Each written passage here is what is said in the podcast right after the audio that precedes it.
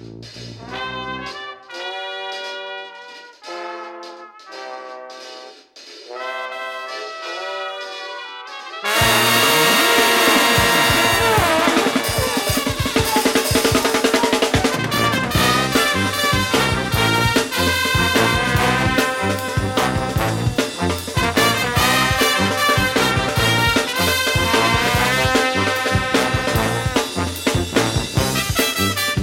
Helo a chroeso i benod 19 o Ysbeidiau Heilog gyda fi, Lee Jones. A fi, Llywyd Owen, lle byddwn ni'n rhoi'r sylw i'r pethau bach sy'n ei gwahaniaeth mawr i ni yn ystod y cyfnod hollol honco hwn. Ie, wir, diolch yn fawr iawn i chi am rando, diolch i chi am dan ysgrifo ac am dilyn ni ar Twitter at ysbeidiau heipod. Os dydych chi ddim yn dilyn ni yn barod neu heb tan ysgrifo ar eich hoff wasanaeth podlediad, uh, pam ddim? Fucking hell. Nes i bod chi? Ie, yeah, yn union. So, um, yeah. Wel, um, just uh, gwna'r pethau bach hynny a llawen hawch. Um, so, Llywyd, pwy sy'n gyda ni yr wythnos yma? Wel, Lee yn ymuno gyda ni heno. Mae wyneb ac enw cyfarwydd i unrhyw un sy'n diddori mewn annibyniaeth i Gymru a siglo tinau ar ben mynyddoedd. TikTok a Twitter legend, hyrwyddwr hawliau LGBTQ a dawnsiwr dwl o dowlais top. Yr anfarwol Bendigeidfran, a.k.a. Lewis Owen. Croeso i'r sioe, Lewis. I mean, wyt ti'n ti dod o dowlais i ddechrau? Mae hanner o'r teulu'n dod o fyna. Dwi'n gallu hawlio fe. O'n i jyst yn edrych am y cyfle threnu a o'n i'n meddwl, fuck it, I'll just chuck it in. Ie, ie, chwarae teg. Good guess, mae'n llwyd. Yeah, man, well. Ie, da iawn. Dwi'n meddwl ddim yn bell o berthyn yw e, so o'n i'n meddwl. Na. Ond, ei, diolch i ti am ymuno gyda ni. Ti'n, um, ti yn, ti'n, ti, ti di dod uh, yn wyneb cyfarwydd ag amlwg iawn i unrhyw un so, sort of, sydd gyda unrhyw ddiddordeb um, mewn pethau Cymreig ar-lein ti di, ti'n beth, faint, faint, o, faint o ddilynwyr oedd gyda ti ar TikTok a Twitter amser yma, sort of, blwyddyn diwetha? O, oh, o, oh, sa'n gwybod. Ar TikTok oedd gen i fel, llain a, llain a mil. Faint sydd gyda ti nawr? Bron deg mil. nice, nice. Na, mae'n briliant man, ond ti'n mo, ti'n, um, ti'n, ti'n, ti'n i, ti'n mo, hyrwyddo'r peth mewn ffordd really positif, a, a ni'n gwybod, mae yna lot o shit yn mynd mlaen ar y foment ar, yeah. uh, ar, ar, ar, Twitter yn enwedig. Um, a ni ddim yn mewn i hwnna, ond ti'n bod, just, mae'r ma, ma, ma, ma positifrwydd i ti'n dod at y bwrdd fel petai yn, uh, yn, yn chwa o awyr iach. So, uh, cadw ei fynd yw'r uh, yw pwynt, fi'n meddwl. Diolch yn fawr. And fuck the haters, innit? Like, so, um, So, ie, yeah, diolch i ti am ymuno gyda ni. A nawr mae Lee yn mynd i ofyn cwestiwn pwysig tu hwnt i ddechrau'r sgwrs. Dyma y gwestiwn fawr. Mae pawb, uh, mae pawb yn, yn cael ei ofyn y gwestiwn yma. Y gwestiwn, y cwestiwn yma. Wff. Uh, en enw gwrawaidd. mae Lee, mae Lee yn, yn, yn enwog am ei dreigliadau. Wel, nes i studio'r Gymraeg yn y brifysgol, so, you know. Oh. Look out, Lee. Wel, dwi'n yeah. dwi, dwi, gallu... Dwi'n dal fy hun pan dwi'n dweud pan dwi'n camdreiglo. Dwi'n gwybod pan dwi'n cam... Dwi'n gwybod pryd dwi'n camdreiglo. Anyway... Sorry. y cwestiwn yw, beth yw dy hoff gaws? OK, so dydd hwn ddim yn hawdd i feddwl amdano, achos dwi'n veggie, felly mae bron popeth dwi'n bwyta yn cynnwys caws. Ie. Mae hwnna fel default i pobl veggie. Ond, dwi'n meddwl, ar hyn o bryd, dy beth, fy hoff gaws yw uh, gredost. A mae hwnna... so, so mae ma gredost yn fath o gaws sy'n dod o Sweden. Mae fath o cream cheese. Um, a mae'n hyfryd pa fath o... Hyfryd. Pa fath o laeth yw e? Gwartheg? Ie. Yeah. Sa'n gwybod. Hey, kids! Yes! Literally, dim ots dy fi. Um, Dwi'n meddwl taw gwartheg yw e, ond i fod yn dig, dim ots gen i os oedd yn dafad, whatever. Mae'n blasu'n really dda. A okay, dwi'n dwi, dwi, dwi caru Sweden. Uh, okay, so, classic. Feddal neu... Ie, yeah, mae'n cream cheese. Oh, yeah, sorry, nes ti dweud, sorry. Um, so, yeah, so sut, sut wyt ti'n bwyta hynna? Just ar lwy, neu... Uh... Ie, yeah, allan o'r teb. um, fel arfer, um, ti'n bwyta fe ar fel... Um, Rai fita. Ra, ie, yeah, neu fel crisp bread, neu crack, um, crack y brod. Um, Mae lot o bobl yn bwyta fe gyda um, eog, ond sa'n bwyta pysgod chwaith.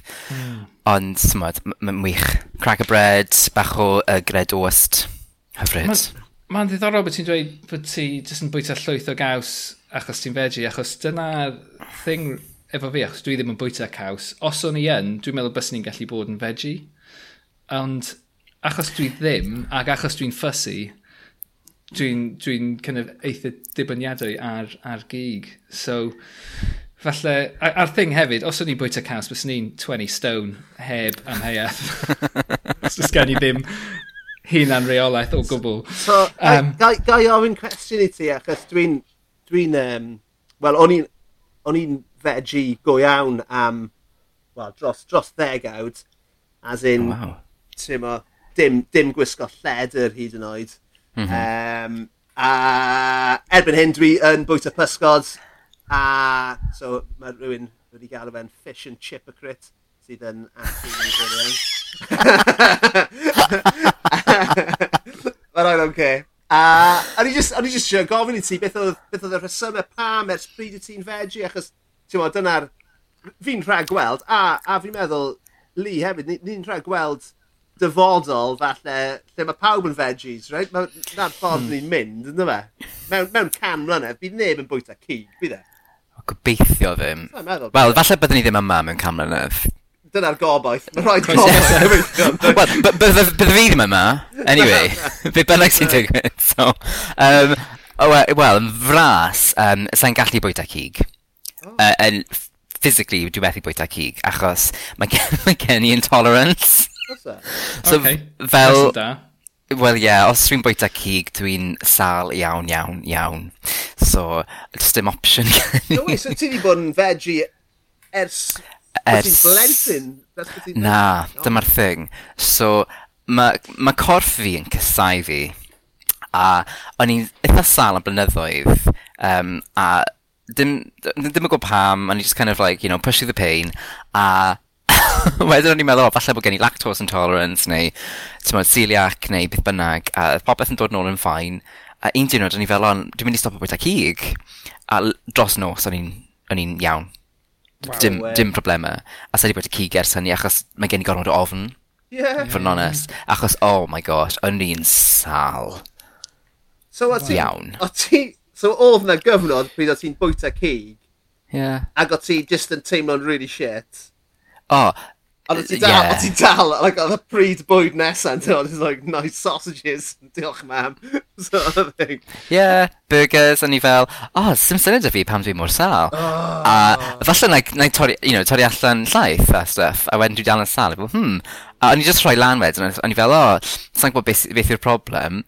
A ti'n modd, dwi byth di clywed am meat intolerance. Mae'n bodoli, mae'n ma prin, prin iawn. A un diwrnod, nes i just rhoi lan i fel, I'm going to stop eating everything. A um, nes i trio mynd yn vegan, a hwnna'n disaster. Um, so, ie, yeah, nes i mynd y veggie a... Pryd nes ti'n vegan? Tewa, as in, tewa, 5 mlynedd yn ôl, 10 mlynedd yn ôl? So, cyn o'n i'n so, cyn i'n sal gyda hwn, um, pan o'n i'n dechrau prifysgol, nes i trio mynd yn vegan, ond oedd yn rhy, rhyd. Wel, ond dyna beth o'n i'n mynd i ddweud. Mae ma wedi newid yn llwyr erbyn hyn, reit? Mae'n uh, ma, ma hawdd bod yn vegan heddiw, reit? A yeah. hyd yn oed pum mlynedd yn ôl, oedd y, oedd y cynnyrch ddim ar gael yn y siopau mm. yn, yn, mo, yn gyffredinol, oedd e? Ond nawr, Na. ond nawr ti'n gallu prynu pethau vegan yn, yn y spar lleol. Yn hytrach na goffa... vegan na, junk food. Ie, yn hytrach na goffa mynd i, i fath o... Nes i cael e heddiw. Nes i cael vegan wings heddiw. No way, o'n nhw'n neis. Ie, yeah, nath nhw dod ar fel ffug asgwrn hefyd. Oh, fucking, mae'n fat, that's a step too What? far, isn't it? Ie, yeah, ydyn, well, nath nhw dod, a ydyn, rhywbeth caled, o'n i'n meddwl fel fath o chicken nugget fydd e, yeah. ond ydyn caled yn y canon fel byw hwn, a ydyn e- e fel ffug asgwrn wedi wneud allan nhw um, sugar cane. Oh, wow. So ti just yn yeah. like, signo fe ar y ffordd gartre wedyn. Just fel pwdyn. Oedd yn hollol bizar, ond ti'n modd, dwi'n gallu bwyta pethau nawr. Beth wyt ti'n meddwl, um, dwi wedi clywed yr agwedd yma yn reit, reit ddiweddar wrth, wrth ambell i berson o ran, um, ti'n mo, os, os, os wyt ti ddim yn bwyta cig, pam wyt ti eisiau bwyta vegan chicken wings? Pam wyt ti eisiau bwyta mm. vegan sausage? Pam wyt ti eisiau bwyta vegan chicken Kiev? A, a, a, a fi just fel, fucking, mit, fi ddim eisiau bwyta ci. Fi dal eisiau bwyta hot dogs. Do you know what I mean? Just fucking... Well, well yeah. Mae rhai pobl... Dwi'n deall. Yeah. Like, dwi'n deall bod rhai pobl ddim yn hoffi'r syniad bod e'n teimlo fel cig sy'n dealladwy. Ond, mm. i fi, Nid hwnna oedd y problem, y problem yw o'n i'n methu bwyta fe. Yeah. O, wrth gwrs bod fi'n hapus sa'n bwyta anifeiliaid, a bys ni'n methu bwyta anifeiliaid anyway, ti'n modd, mm. nawr. Ond hefyd, dwi'n hoffi prynu pethau o, o llefydd fi gyma, achos dwi'n gwybod dwi'n gallu bwyta unrhyw beth. Ie, ie, mm. ie. A mae hwnna'n, achos weithiau, pan dwi'n mynd i fel bwytau, yr unig peth sydd ar gael yw fel Risotto. halloumi burger. Yeah. Yeah. Neu spaghetti. Risotto. Ie, yeah, a fel Dyna fe. Neu, ve neu ve veggie patty. Oh, a mushroom, mushroom risotto. A, a literally yn fan fan. Ond mae... Yeah. Mae pethau yn newid er gwell, yn dyma. E? Heb o. Gobeithio. O, mae yn. Well, mae yn. A yeah. fel fi'n gweud, fi wedi bod... Dwi yn bwyta cig, coch neu... Ti'n bod, cywiar, be bynnag. Y ganrif yma, nes i, nes i stopio bwyta cig yn 1999. A fel ni'n gweud, o'n i'n veggie am dros ddegawd a wedyn nôl yn bwyta pysgod. Ond ti'n yn, y, yn y cyfnod yna, mae'r ma, ma, ma byd wedi newid gymaint, right? Mae'n ma, ma nuts, man. Achos mae'n mhlant i nawr, so mae gen i... Um, fy, fy merch hennau, mae hi yn, fel fi, mae hi'n pescatarian, ti'n mo, a dwi ddim wedi bwyta cig ers, ers 5 mlynedd, falle, Dwi'n 14 yw i. A wedyn mae gen i um, merch 11 oed sydd yn sausage tarian, So, neith i ddim, neith i ddim, neith i ddim, neith i ddim bwyta unrhyw gig ar wahân i uh, sausages, mae'n caru sausages. So, mae'n yn well na dim byd. Yeah, definitely, definitely. Ond, um, yeah, so, dyna ni, caws. yeah. Ydych chi'n cofio enw'r caws nes i ddweud? Ie, fi yn. Grodost. Gradost? Gredost. Gredost. Na ni. A lle ddys ti ar draws yna gyntaf? Nes ti, nes ti mynd i Sweden neu rhywbeth? O ie, yeah, so dwi'n caru Sweden. So, cyn Covid, o'n i'n mynd o hyd. So, yn 2019, es i dwywaith. Um, ie, yeah, dwi'n caru lle. Mae'n so, anhygoel. So, pam est ti fyna gyntaf? Beth oedd y bardyn? y caws. O, fi wedi clywed bod y caws rwy'n ei wneud yna. Na, nid cweit. Uh, Wel, cawslid, falle. o, oh, oh, ie? God. Um, yeah, so, uh, mae fi a fy ffrind yn fans enfawr o ABBA. Ie, yeah. pwy sydd ddim? Wel, yn union. A mae na, ma na ABBA Experience yeah. yn Stockholm, the ABBA Museum. O'n i wedi fel... Um... Athyn ni ar yr undod. Amazing. Ie. Yeah, oh. Fel Madam to Swords, gyda... Mae fel... Tim bach yn well na hynny, Llywys. Mae fel amgueddfa i ABBA. Ie, ie, ie. A, a chi'n gallu, like, mae yna mae yna ma, ma, ma na fel recording booths yna lle o'n nhw'n actually neud y recordiadau a wedyn mae yna fel karaoke booths yna so chi'n gallu canu yn y recording studio unrhyw ABBA, can ABBA chi eisiau. Mae yna llwyfan lle chi'n gallu perfformio gyda holograms o ABBA sydd yn anhygoel. Mae yn well na mewn um, swords. A mae'r holl outfits yna, maen nhw, maen nhw wedi gwisgo, tymod, Waterloo ar Eurovision, um, pob um, music video, mae, oh, mae'n anhygoel. A mae Stockholm just, dwi wastad wedi hoffi Sweden ers blynyddoedd achos dwi'n hoffi Eurovision. A dwi wastad wedi cefnogi Sweden.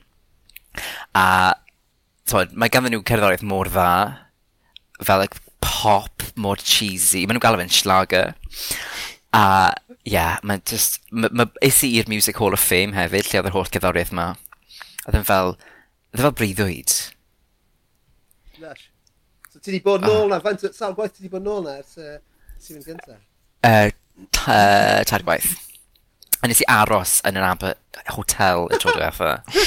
Nawr, come on, gwedd ni mwy am y Aber Hotel. So, mae fe, ma fe uwchben yn Aber Museum. No way! yeah. Um, Os na Polyn yn mynd sydd lawr i mewn i dde. O, oh, na, bys hwnna'n wych.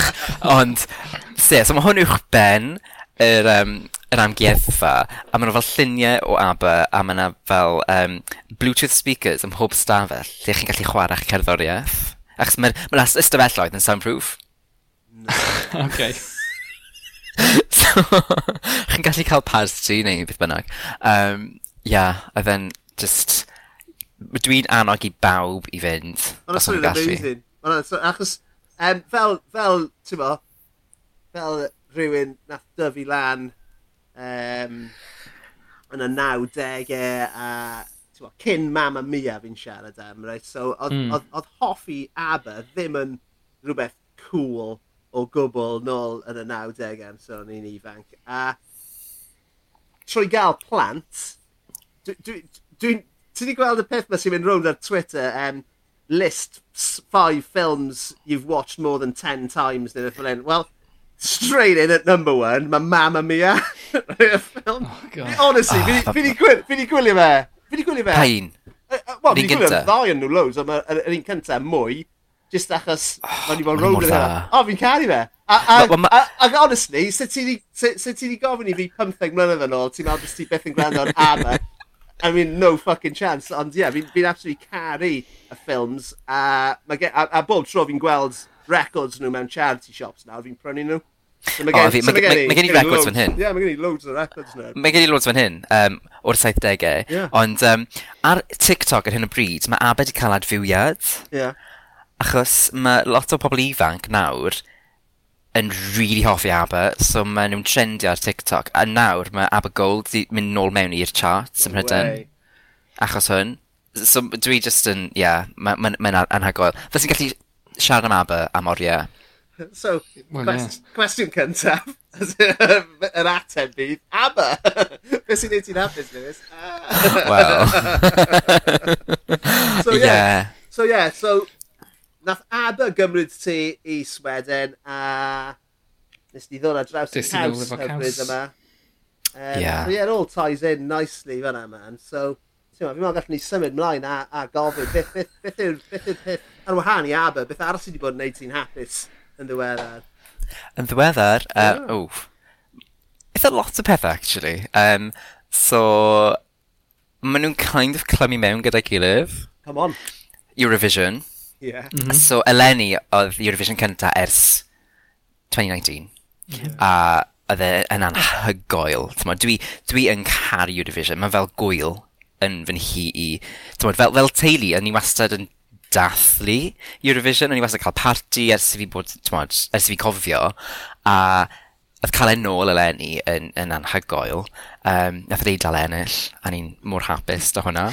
Um, Coke well, fiends o'r or eidl. Wel, o'n i eisiau i um, Ukraine ennill, ond, on, i, nath nhw dod yn drydydd, neu'n pedwerydd, ond um, o'n i'n hapus gyda'r Eidal, achos dwi'n really hoffi rock, a um, dwi'n siarad Eidaleg, so A dwi eisiau mynd i'r Eidal, so dwi eisiau mynd blwyddyn nesaf i'r Eidal, lle maen nhw'n cael e. Oh, maen nhw'n cael Eurovision blwyddyn nesaf, ie, yeah, ie. Yeah. a hefyd, um, dwi'n mynd i fod yn annog yr Eidal i ennill eto ar y penwythnos. Ie. Yma. Fucking hell, yeah. Please. Please. Well, Save erbyn, us! Erbyn i hwn, yeah, erbyn hwn fynd allan, bydd, uh, byddwn ni'n gwybod sut nath hynny fynd. Yeah. Um, yeah.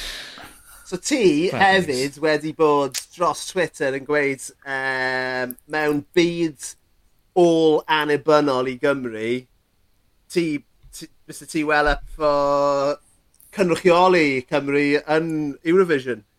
Yep. A, ti'n mo, os, os, os, um, os, os profiad gyda ti o berfformio, ni'n ni gwybod bod ti yn ar TikTok, ond ti'n mo, os gyda ti, na. ti'n mo gwybod. Dim profiad, na, na. Just well. lot, o, lot o enthusiasm.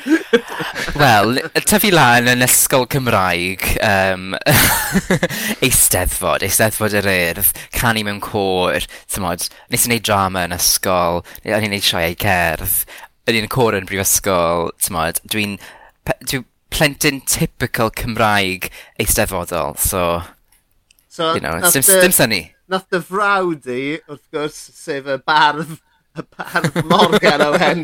Nath e fynd, nath e chi ddod at fforch yn y ffordd do, and it's like, barddoniaeth ffordd yna. Yeah. Actor, just act, flamboyant acting this way. yeah. So fel, dyma'r ffordd barchus. Yeah. A dyma'r ffordd hollol unhinged. Yeah, ond edrych, edrych faint o ddilynwyr sy'n gyda fe ar TikTok. Wel, o'n i ddim eisiau dweud, ond... Oh, amazing. So, Eurovision, beth wyt ti'n neud o'r ffordd ma' Lloegr slash Prydain slash yr UK yn cael ei trin gan Ewrop. Um, wyt ti fel fi yn meddwl taw hwnna yw un o'r pethau mwyaf ffynnu erioed? um, so, i, fod, I fod yn onest, sa'n so really talu lot o sylw i Brydain yn Eurovision.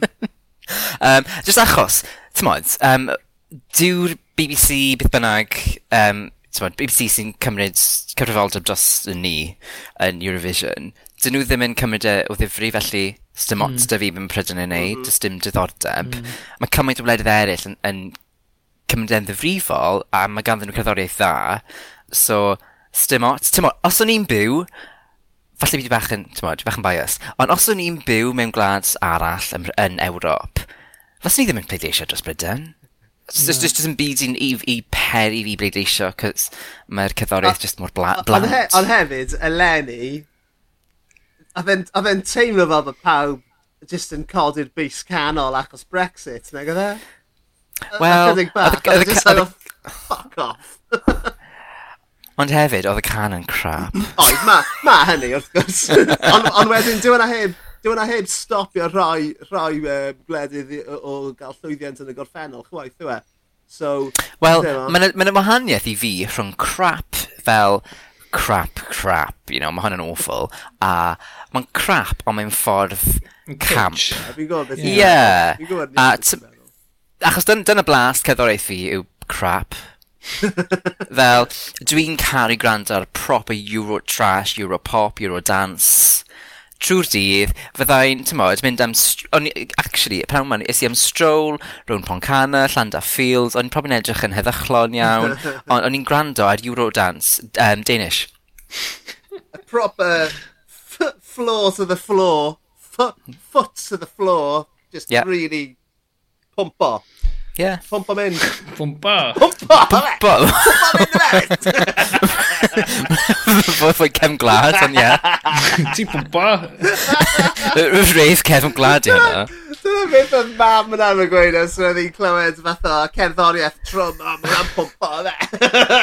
Oh my god, fes fysa hwnna'n neud can. Os, os chi'n gallu cael fel can fel heavy bass Cymraeg o'r enw pwmpo. Oh, dyna fe, dyna. Dwi'n gallu dychmygu pa bell ffermwyr ifanc yn y Royal Welsh. Oh, oh my god.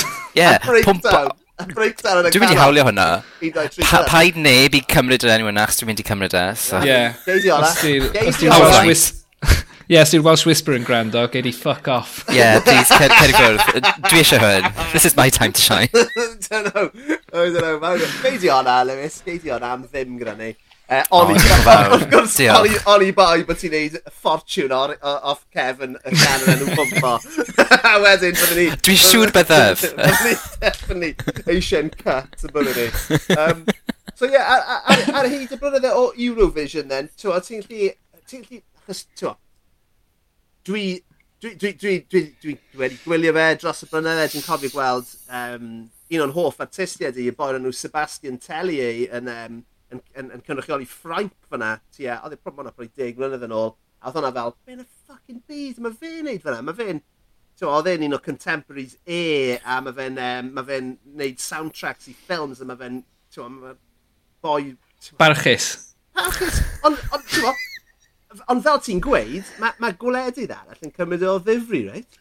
So yeah. nhw'n rhoi mm. Sebastian Tellier, boi yma uchel ei barch, mewn i, i, i ganu. So, ond, ti'n mo, So ti'n gallu rhoi cwpl o enwau yn o artistiaid ti wedi caru ar hyd y blynydde, ti'n gallu cofio falle gallwn ni uh, check o allan. Fi'n siŵr bod y fideos oh. absolutely hilarious mas yna hefyd.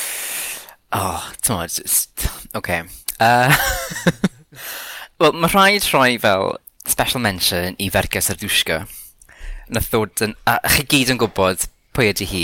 Y drag queen o Ukraine oh, nath ddod yeah, yn ail yeah. yn 2007. Beth oedd enw i eto? fergas ar dwisga. Um, hwnna, ti'n modd, oedd hwnna'n wych. Dyla hwnna di ennill. Um, pa arall dwi wedi ho... O, ti'n modd, dwi'n gwrdd fe pob blwyddyn, mae fe just... Dwi'n gwrdd prelims Sweden hefyd ar gyfer Eurovision, achos maen nhw'n ma, ma nhw para chwe wythnos. Maen nhw'n Mae Sweden yn mor ddifrifol am Eurovision.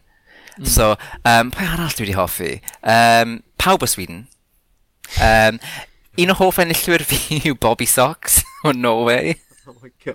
Nethon nhw ennill yn fel 87 neu rhywbeth, Nath Norwy wastad yn dod nôl a, a wedyn oedd y dwy fenyw ma, just canu can 80au, anhygoel o cheesy, a nath nhw ennill. Um, hefyd, o, oh, Lodi, Ie, ie, ni gyd yn cofio oh, Lodi. Lodi yw un o'r enillwyr gorau erioed, achos dwi'n ca... OK, bach o disposition, ond dwi'n caru heavy metal. Dwi yn mm. caru heavy metal, a o'n i mor hapus pan nath Lodi ennill. O'n i'n deuddeg mlynedd oed, a dyna pryd oedd like, emo yn boblogaidd, a o'n i fel, gwych. Dwi'n teimlo fel dwi wedi cael yng nghenrychioli gan Finland. Mae'n ma ddiddorol achos um, mae gen i ffrind, uh, achos fel ti'n dweud, y, y, y cyferbyniad yma, um, falle pobl ddim yn disgwyl bod ti'n hoffi cerddoriaeth rock a metal, ond um, mae gen i ffrind sydd yn, uh, sydd yn hoiw, mae fe'n arwain, wel mi oedd yn arwain yr AIDS Vigil yma'n Ceinion um, am, am flynyddoedd. Um, a nes i fynd i weld Ramstein gyda fe. Achos... Oh, caru Ramstein. Ie, yeah, ac, ac, ac os dyna ni, achos mae ma fe'n deall y ffordd mae metal yn gweithredu kind of ar y lefel kitsch yna, achos mae e, ond mae ma, ma llwyth o fans metal ddim yn ddim yn gwerthfarogi hynny, maen nhw'n cymryd i o ddifri. Wel, sôn am hynny, actually, un o hoff acts erioed fi ar Eurovision oedd ddim Hatari, nath um, perfformio yn 2019 i Gwlad yr Ia. So, industrial metal band. Mm -hmm. um, rhai oedd yn gwisgo fel y fetish wear. Ie, oh, yeah, na fi. Okay. Oh, ie, ie, ie. Um, nath nhw canu hat yr mwyn sigra. Nes i gwisgo lan fel nhw ar gyfer party Eurovision fi. a nes, nes i fynd ar... Achos o'n i'n cael fel... O'n i'n cael party gwisgo lan. A oedd na gwobr am e, gwisgore. A nes i gwisgo lan fel nhw. Achos o'n i'n gwybod fydd neb arall mynd i wisgo fel nhw. So nes i ar-lein a prynu fel yr harnesses a trwsus lledr a boots, t'mod, nes i prynu'r full shebang, um, no pen intended, a, yeah, nes i ennill. well, sy'n syndod. Nes i wario 300 pint, so it was yeah. well worth it. a nes i prynu y fflag mawr ia, gwlad yr ia, mae dal gen i fe. Um, a wedyn nes i mas i Gaerdydd yn y nos ar ôl hynny, wedi gwisgo fel na. Nice, nice. Lle, lle is ti? Walkabout? Oh god, na, Kings. na, actually, eithon ni i Kings a Clwb. Ond dwi'n siŵr bod Clwb i fod Bach sy'n gweld lot waith na hynny. O no, Mae lig no na. Oedd them... No, clas. O'n jyst mynd i ddweud, um, sôn am kind of, y ragbrofion a, a, a pob dim, mae yna un performiad um, nes i weld yn... Dwi, dwi newydd googlo fe i wneud yn siŵr bod gen i'r uh, manylion yn gywir. So, uh, yn 2013, yn Estonia, nath y perfformiad yma dod y drydydd yn ei kind of, peth cenedlaethol nhw i ffeindio pwy oedd mynd i cynrychioli nhw. Um, enw'r grŵp yw Winnie Pooh, a maen nhw fel rhyw kind of... Um, well, maen nhw fel like punky noise rock kind of thing. Um, a mae'r gan yn hollol mental a mae'r perfformiad ti'n gwylio fe a ti'n meddwl dwi'n gwybod sut mae hwnna'n gallu mynd yn mwy weird ond e, yn y pen draw maen nhw gyd just yn kind of kind of hedfan trwy'r awyr yn upside down Ie, yeah, dwi'n dwi, dwi cofio hwn Oh my god, os oedden nhw, os oedden nhw wedi cyrraedd uh, y gystadleuaeth mawr, bys nhw wedi ennill. O oh, ie, yeah, bendant. Hoffwn ni, yeah hoffwn ni, yn bersonol, dechrau band industrial Cymraeg. Ie, yeah, mae hwnna ar goll, really, yn diwy. E? Does dim lot o um, sîn um, diwydiannol. Nethon ni siarad tipyn bach. Well. Nethon ni, ni siarad tipyn bach uh, gyda Steff Dafydd am hyn, ynddo fe? Um, pam mm. nag os na mwy o fandiau fel heavy trwm. metal neu just yeah. trwm in general sy'n canu yn Gymraeg A, a ti'n fel y ti jyst yn gweud fel, does dim o industrial bands Cymraeg, achos y gwir yw, does na, ond oedd Steff yn gweud, dim un man dych chi fynd i chwarae, achos hmm. chi ar yr un bills a, dyna'r peth am natur, um, ti'n meddwl, os chi eisiau chwarae, chi ar yr un bill a, ti'n mo, a, a loads o wahanol bandiau, sydd, a, a mae ma arddulliau gwahanol, yn dysau, e, ar line-ups. So dyna'r, hmm. dyna'r, dyna'r beth sy'n Mae gen i, mae gen i par. Ti'n gwybod boots uh, Demonia? Mm, Ti'n gwybod y goth, ti'n gwybod y, y goth boots? Fel, New Rocks? Ie, uh, yeah, fel y platform goth boots. Okay, yeah. yeah. Fel, like, knee high. Yeah. Mae gen i par o nhw. Ie. Yeah. A di hwnna'n ddigon so, i ddechrau band gen i... industrial? Is that all you need? yeah. yeah. Wel, yeah. well, mae gen i, mae gen i, mae gen i, mae gen i keyboard, mae gen i'r boots, Paris is angen. That's it, man. That well, is it. Sim Busy stopio ti. Busy stopio ti. Dyna be sy'n Saunders Lewis di eisiau am y iaith. Ie. Wel, ti'n gallu gwneud fatha concept album cynta ti, yw jyst yn seiliedig ar ei waith e. A just, uh, t'wod... Gwneud cyfer o tynged yr iaith. so yeah. amazing. Yeah, yeah. Just samplo fe. yeah. Oh, hey, I mean, mae'n ma, ma adroddodiad yn, yn y scene rock Gymraeg. O, mae ma, ma loads o bands ag artistiaid yn samplo beirdd yn does. A, ti'n hmm. fi'n lli meddwl a eitha lot sy'n neud yna. So, yeah, just, just, just enghraifft arall o hynny, ond just gyda'r cerddoriaeth bach yn wahanol. So, mae'n amazing. Do it, man.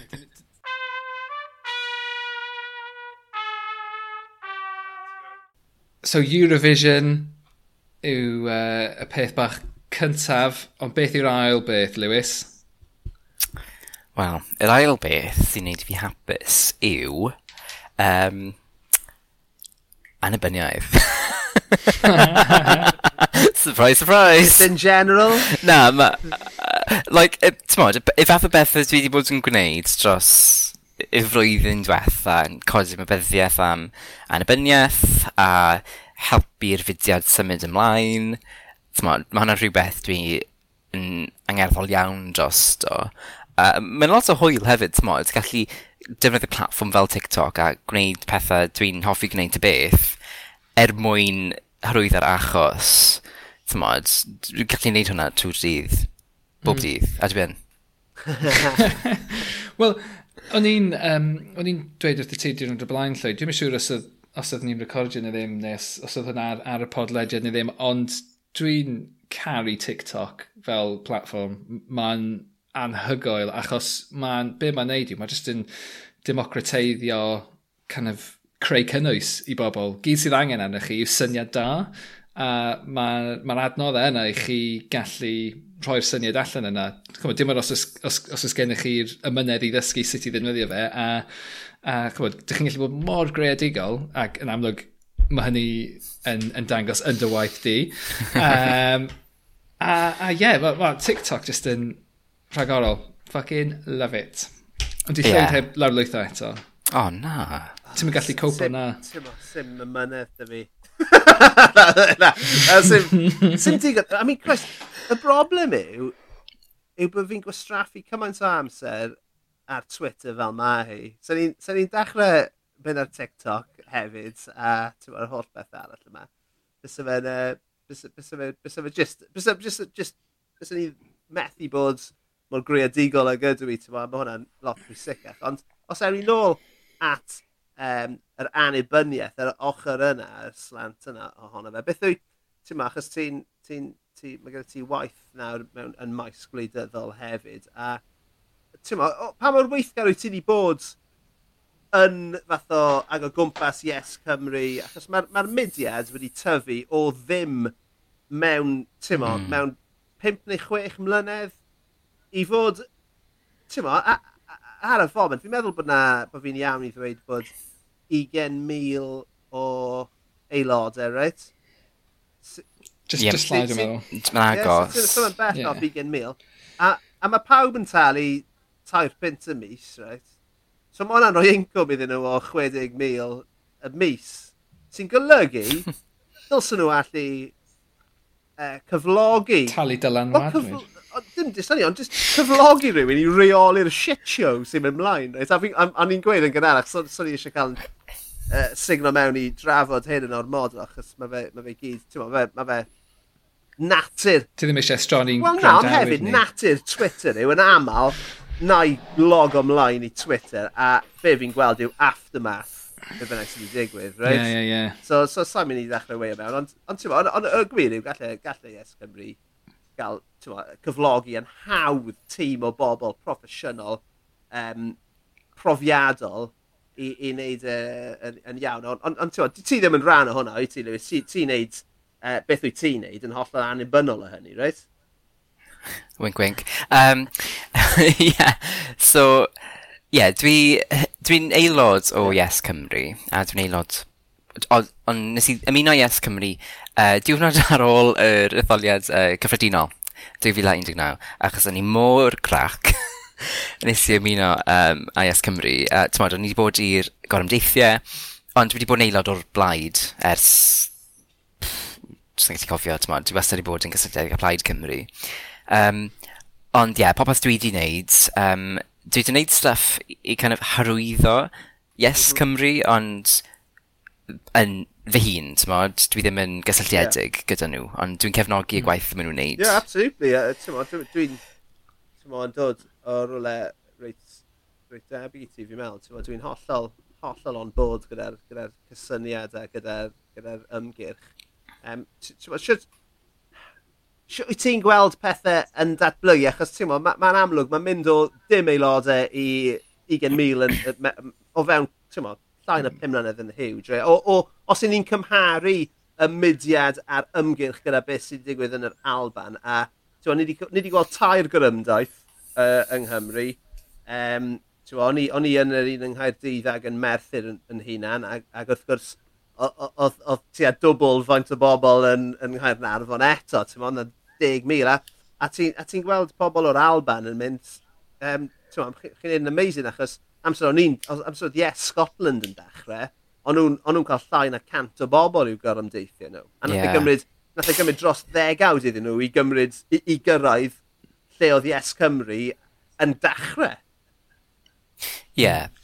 Tyma, mae, ma Yes Cymru, um, maen nhw wedi gwneud yn wych, a maen nhw wedi gwneud, enwedig dros y blynyddoedd diwetha, maen nhw wedi gwneud job mor dda o hyrwyddo'r um, y fudiad, a dwi'n credu fath gyda ni yng Nghymru, nath y mudiad symud mor gyflym mewn cyfnod mor fyr o amser. Dwi'n credu nath y... Hmm oedd y bach o sioc i bawb, a mm. dwi'n credu wnaeth pethau symud mor gyflym, dyn ni jyst ddim cweith yn gwybod be i wneud. Um, credu ni dal yn ffeindio'n traed ni, achos mae mudiad annibyniaeth yn y brif ffrwd, mae fe, dwi e ddim, yn, ni ddim yn gyfarwydd gyda fe o gwbl yng Nghymru, ti'n ers Owain Glyndŵr.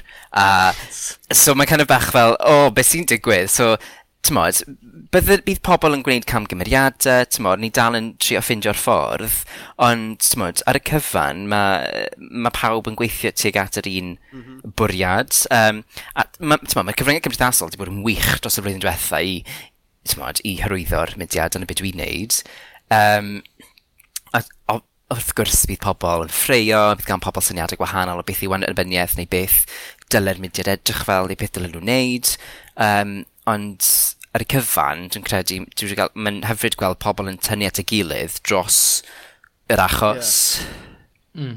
A mae'n bwysig cofio hefyd yn diwedd fod, ti'n modd, um, er bod e'n edrych fel, ti'n modd, ti'n mynd ar Twitter pob diwrnod a mae'n ma edrych fel bod pawb yn ymladd a ffreo bob dydd, ond canran fach iawn o aelodaeth Yes Cymru yw yeah. hwnna, ti'n gwybod? Ie, yeah, ie. Yeah. A, ti'n gwybod, mae mewn unrhyw mudiad, os ydych chi'n siarad unrhyw blaid, tymod, gwleidyddol, unrhyw grwpiau gwleid, gwleidyddol yn gyffredinol, bydd wastad pobl yn angytuno ar gwahanol bethau. Hyd yn oed mewn, mewn sefydliadau, tymod, yn y gwaith, bydd neb yn cytuno ar pa drawydd i fynd, neu pa bolisi i wneud, neu beth bynnag. So, bydd hwnna wastad yn bodoli, ond, tymod, mae angen gwythio heibio hynna.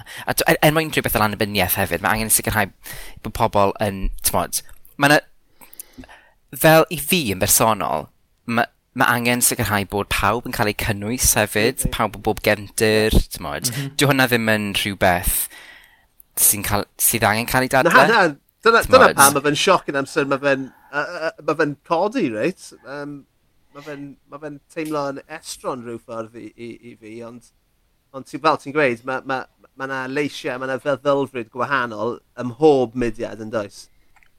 Mm. Ie, yeah, bydd na rhai pobl sydd, ti'n modd, yn meddwl un peth, neu bydd rhai pobl eisiau blaenoriaethu hawliau, um, a ti'n modd, dwi'n credu dyle bob mudiad, pa beth bynnag mudiad yw e, cyn, cynnwys pawb, ni'n dyle po, popeth yn gymdeithas cynnwys pawb o bob cefndir. Um, a i fi, yn bersonol, ti'n modd, dwi'n siarad lan am hawliau a hawliau cyfartal, a dwi eisiau i, i Gymru annibynnol, arwain, arwain y gad ar hawliau yeah. a sicrhau bod pawb yng. Mm. Nghymru, hyd, hyd yn oed cyn, cyn i ni fod yn annibynnol, ni angen creu'r wlad ni eisiau gweld yn annibynnol, dwi'n credu. Mm. A dyna'r yeah. Dyn fath o waith dwi'n neud, sicrhau bod ni'n creu'r Cymru ni eisiau weld nawr. Lle, achos ti'n ti ddyn llawer ifancach na fi, a dim ond yn yr, er, bys ni'n gweud, 8 i 10 mlynedd diwetha, dwi wedi ymgysylltu gyda gwleidyddiaeth mewn unrhyw ffordd. Tam, tam bod fi yn fy nhrydegau, e, oedd e genuinely ddim ar yn reidau o gwbl.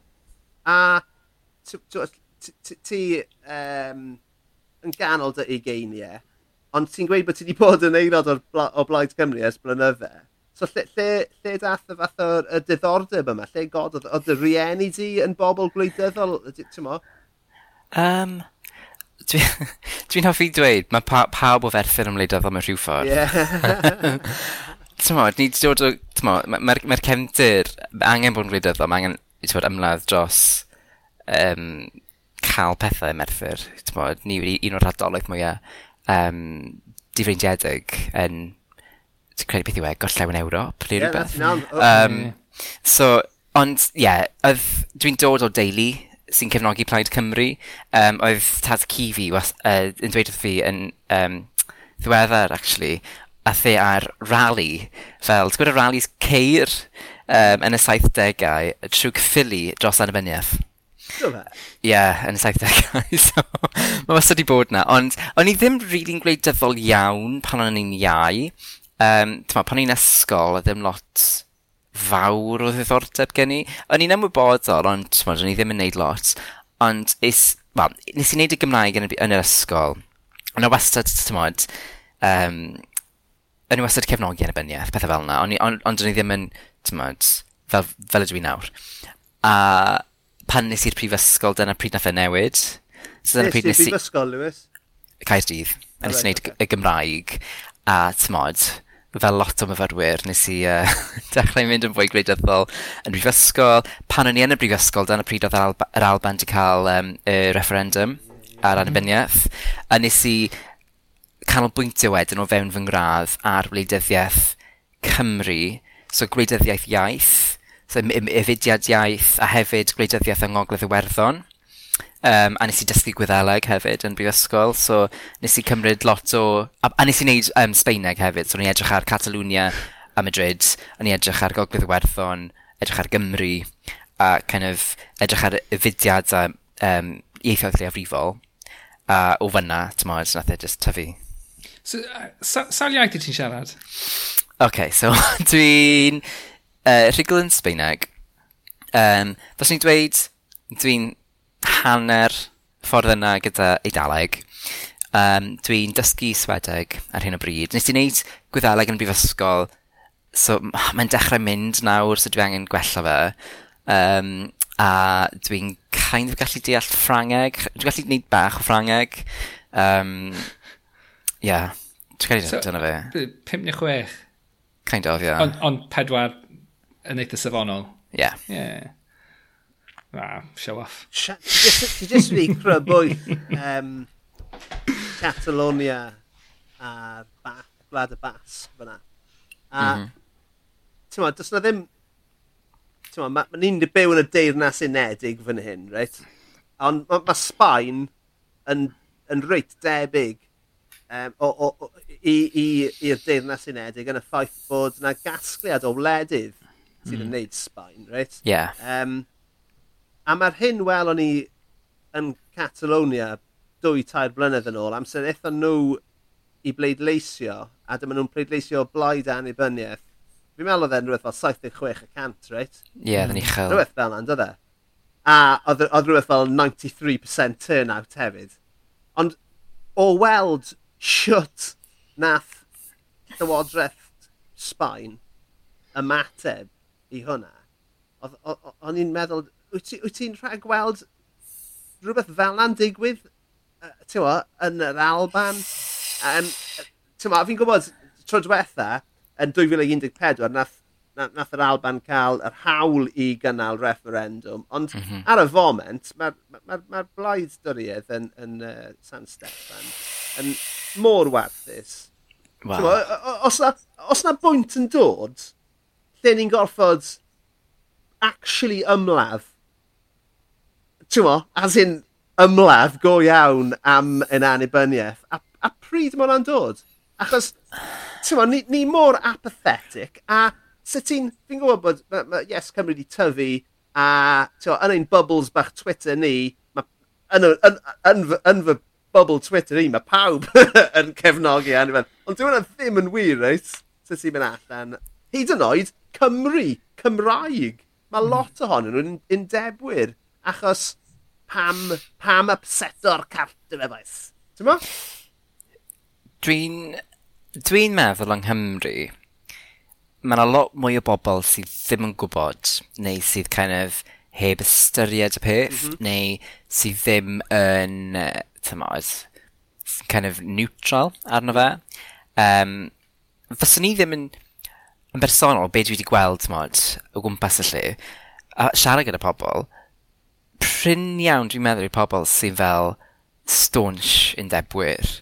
Uh, of, wrth gwrs maen nhw yna, ond dwi'n meddwl bod lot o pobl yn eitha neutral ar y peth, a dyna'r fath o bobl ni angen dechrau ymgysylltu â nhw. Ond o ran, ti'n modd, beth ddigwyddodd yn, yn Sbaen a yn Catalonia, wrth gwrs yn Sbaen, mae gadden nhw'r um, gwarddiaeth i fil, ti'n modd, e, fel, mae'n ma, ma dau heddlu yn does. Mae un mm. fel milwrol a un um, heddlu. Okay. Yeah. Ond, yma um, yn, yn Deyr's Unedig, ti'n credu dwy flynedd yn ôl, tair blynedd yn ôl, bys ni wedi dweud na, sa'n gallu rhag gweld rhywbeth fel yna'n digwydd yma.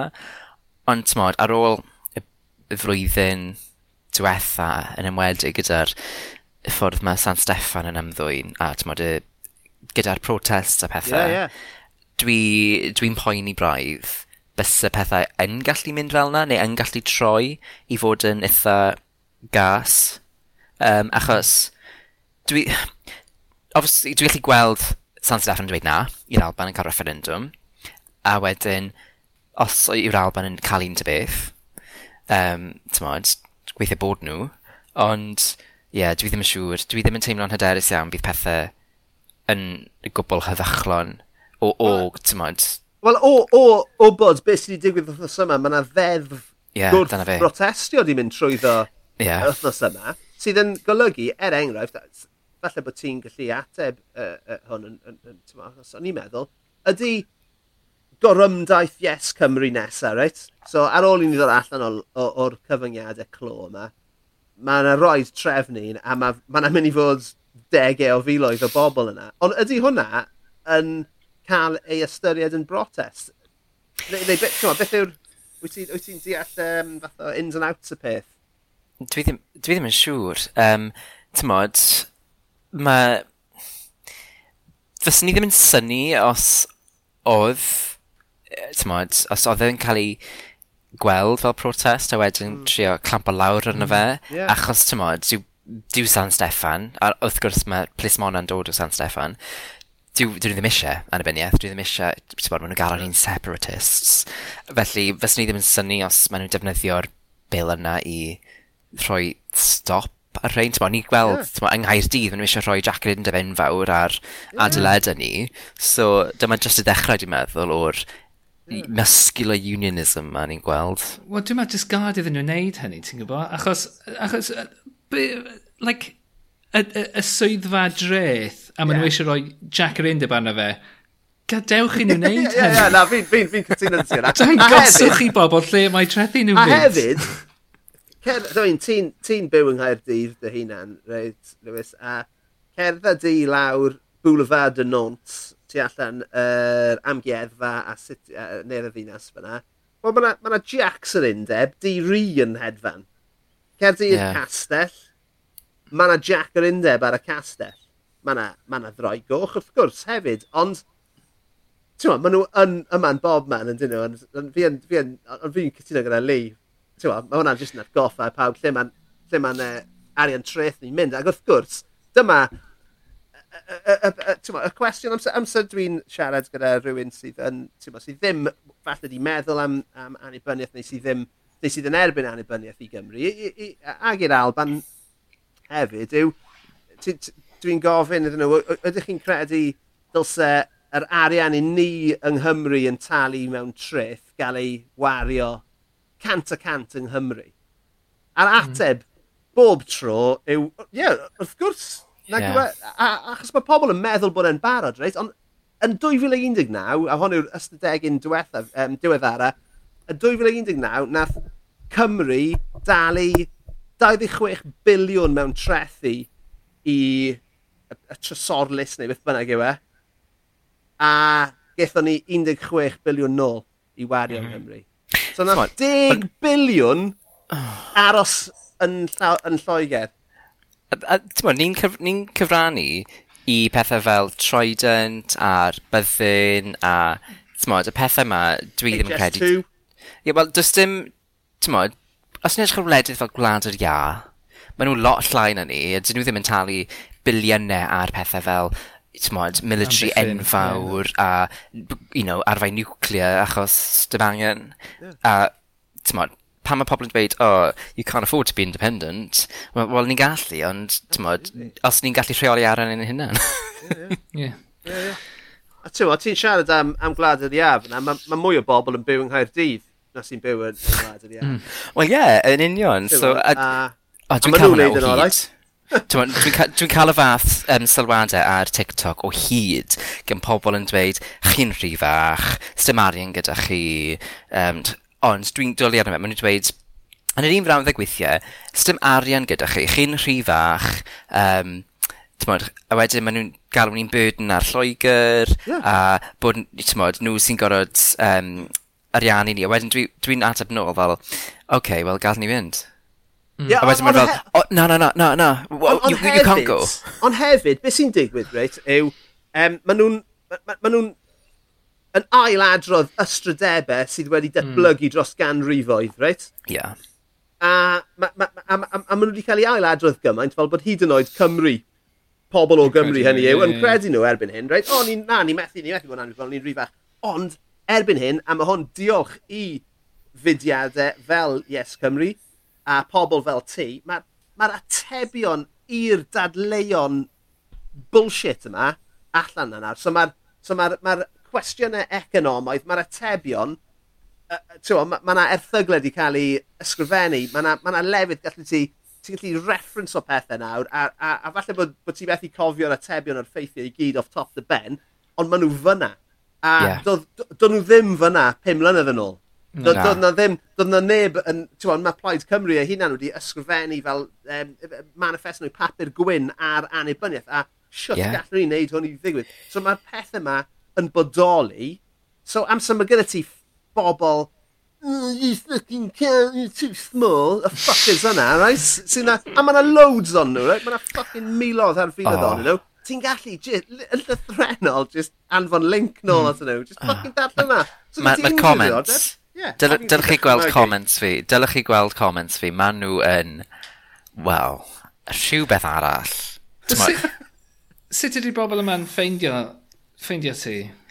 Wel, di sy'n dod lan ar um, For You page nhw ar TikTok. Ah, okay, so, yeah. maen nhw'n... Maen nhw rhai, a dwi, maen nhw'n edrych... Dwi'n siŵr bod nhw'n edrych trwy tags, maen nhw'n edrych am fideos am annibyniaeth. Achos mae'r ganddyn nhw, ti'n profiles sydd yn wedi rhoi eu hunan i'r, i Brydain, so mae Union Jack, fel profile picture, maen nhw'n galw eu hunan fel God Save the Queen neu rhywbeth, a, maen nhw'n just, a dwi'n gweld nhw'n mynd ar profiles arall, gada, achos dwi wedi gwneud, ti'n dwi'n nabod pobl o'r Alban, mm. sy'n gwneud hmm. fath o pethau, a maen nhw'n just edrych am pethau yma, neu dwi'n just yn amddangos. Os mae un o fideos fi'n mynd yn viral, os mae cael, ti'n modd, canaf y miloedd o views, mae'n ymddangos ar tudalen y pobl, a yeah. um, mae'r mae pethau mae rhai pobl yn dweud, mae just... Dwi, dwi, dwi ddim yn ateb neb nawr. Dwi mm. byth yn ateb sylwadau ar TikTok o gwbl, achos sdim egni dy fi, ond um, mae... Be dwi wedi sylwi yw mae'r mwyafrif o bobl sydd yn gadael tymod, sylwadau sydd yn um, sarhaus, neu sydd yn tymod, bychanu ni fel gwlad, dyn nhw ddim yn dod o Gymru. Na. Na. Ydyn nhw'n nhw postio'r sylwadau yma yn ystod oriau swyddfa Rwysia falle? o, mae... Nawr gloch a pimp amser Moscow. O, mae ma, ma, ma rhai pobl, ti'n modd, mae lot o nhw yn fel...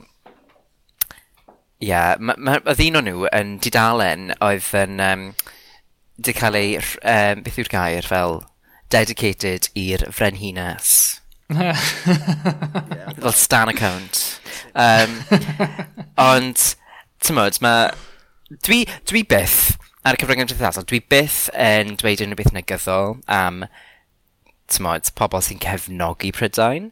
Achos mm. i fi, ti'n modd, mae gan pawb yr hawl i meddwl beth bynnag yeah. eisiau. Yeah. Dwi'n democratydd iawn. Wrth gwrs dwi ddim yn cytuno, ond dyna hawl nhw dwi byth yn ymosod ar neb, ti'n dwi byth yn mhm. dweud unrhyw beth gas i bobl sy'n cefnogi Prydain, neu cefnogi beth bynnag. Ond, mae lot ohonyn nhw yn gas iawn i mm. pobl sy'n cefna, cefnogi annibyniaeth. Dwi'n nabod pobl arall ar Twitter, yn wedig um, rhai y mynawod, a'r merched mm. sy'n hmm. creu cynnwys am pethau fel annibyniaeth a, a am Gymru, maen nhw'n derbyn lot o pethau ofnadw gan bobl ar-lein. Mm. Awful. Yeah. So ydy hwnna, ti'n gweud bod ti ddim yn ateb uh, y, y sylwadau yma mwyach, ond ti'n darllen nhw i gyd? O oh, ie. Yeah. Ac um, sut mae hwnna'n effeithio arno ti, Lewis? Um, achos, ti'n gwbod, mae ma, ma Mae dwy funud ar Twitter yn y bore yn gallu difetha fy nwrnod i ambell waith. So, a dyw hwnna ddim hmm. hyd yn oed yn bethau personol amdano i. So, sut wyt ti'n ymdopi gyda'r negyddiaeth yma? Um, mae ma, ma, ma afrif o'r pethau yn negyddol am, am Gymru neu am anabyniaeth, tmod, a dwi just mor cyfarwydd gyda fe, mae'n mynd syth dros ym hen, neu dwi'n e-, dwi, dwi dallan nhw, mae rhai nhw yn ddoniol, tmod. Yeah. Roedd un person yn trio, nes i wneud fideo am um, y Gymraeg, a roedd un person o America yn trio cywiro um, the... O'n nhw ddim yn siarad Cymraeg, ond nhw eisiau cywiro fi ar hanes yr iaith. Uh, oedden nhw'n hollol anghywir. Um, nes i astudio hwn, so o'n i fach fel, be chi'n neud? Ond, um, Ond na, mae rhai pobl yn galw enwau. Ond, gan i just fynd ôl, ar ba sail oedden nhw'n meddwl bod nhw'n gwybod yn well na ti? Achos oedden nhw wedi darllen rhywbeth ar-lein. Dim i mewn Wikipedia yma. Falle'r person yma oedd, ti wedi gweld, um, mae yna'r bobl yna yn America yn does sy'n hawlio bod nhw'n dywysog Cymru achos oh, maen nhw'n... O, mae yna, ie, yeah, oedd un person yn... Dwi'n meddwl, mae yna ddau yn does. Ie, yeah, mae yna cwbl actually, ond... Ie. Yeah. Um, yeah, mae... Smart, sa'n beirnadu neb, ond... Ond? Mae angen hobi ar bawb. Mae pawb yn gallu byw i bywyd, ond... Um, yeah. Ond nid fel na. Wel, ti'n dwi, dwi ddim yn cytuno gyda'r cysyniad o frenhiniaeth, so na i dweud hynny. Na. Yeah, well, so, na, mae okay. rhai, ma, ma rhai pobl yn galw enw enwes, a dwi, dwi wastad yn ffeindio hynna yn ddonio. Ti di, ti di gweld um, ar-lein, fi'n siŵr bod y ddoi o'n chi wedi, mae yna fel um, cystadleuaeth dim o ddifri i'r oi pobl sydd wedi cymryd y bach yn rhy ddifrifol ar, ar-lein, ond uh, mae yna ma fath o fantasy um, pwy bydd prif weinidog cyntaf um, neu president um, arlywydd cyntaf y Gymru annibynnol. A fi'n meddwl taw Hugh Edwards na fynd â hi heddiw. Na, Ond, na um, Michael Sheen dwi'n meddwl. O, oh, dath Michael Sheen nôl do, os o'n i'n gweld oedd Hugh Edwards yeah. mas, mas draw ar un adeg. Ond, ie, um, yeah, pwy, pwy bys y ti ne? O'r, or, or fath o, o'r, or, or, or holl enwau yma sydd wedi cael ei taflu mewn i'r hat, pwy bys y ti ne? Pwy bys y ti'n gofi gweld fel arlywydd cyntaf y Cymru ar, ar y dynol? Wff. O, oh, sy'n gwybod, mae'n cymaint o ddewis. Um, Bas ni'n ddweud, dim un o'r ddau hynny.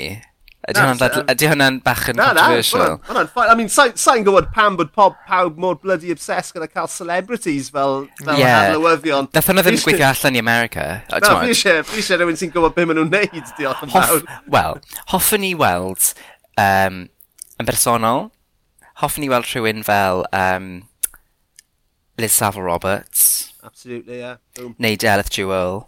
Oh, love it. Carry Achos, hoffwn i weld menyw, achos ni wedi oed cael menyw yn Arwain Cymru. A hoffwn i weld rhywun fel Liz neu Delith, achos dwi'n credu maen nhw'n wych. Ti'n modd, oedd um, Araith Delith... Y Merthyr. Y Merthyr, oh, oh my gosh. Oedd hwnna yn anhygo. Nes i crio.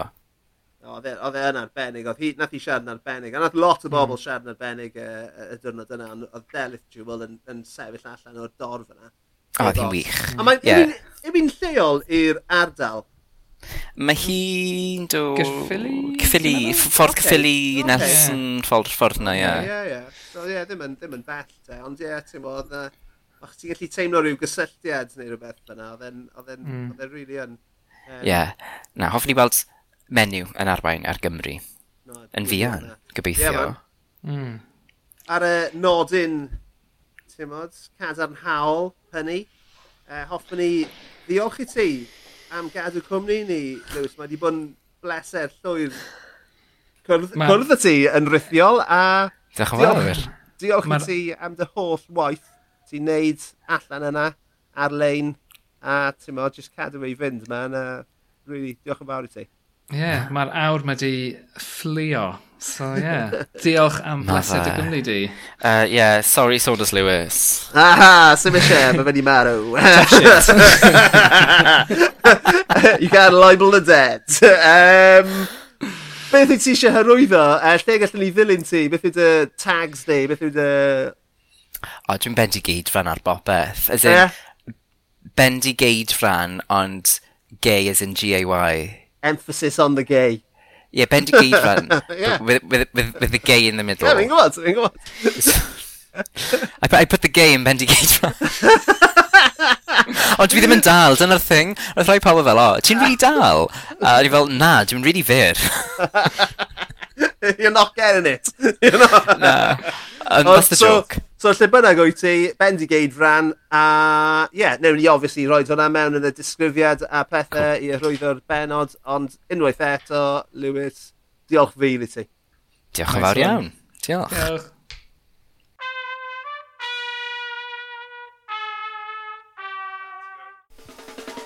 Oce, okay, oedd hwnna yn ffantastig gyda Lewis Owen, a.k.a. Bendy Geifran fanna. Um, yeah, diolch yn fawr i Lewis am roi ei amser i ni. Diolch chi am rando. Um, Lee? Co cofiwch chi ddilyn, tan ysgrifo, oh, atisbeidio yeah, heipod, pethau boring hynny, a dwedwch wrth, dwedwch wrth eich ffrindiau. Twiddle pip!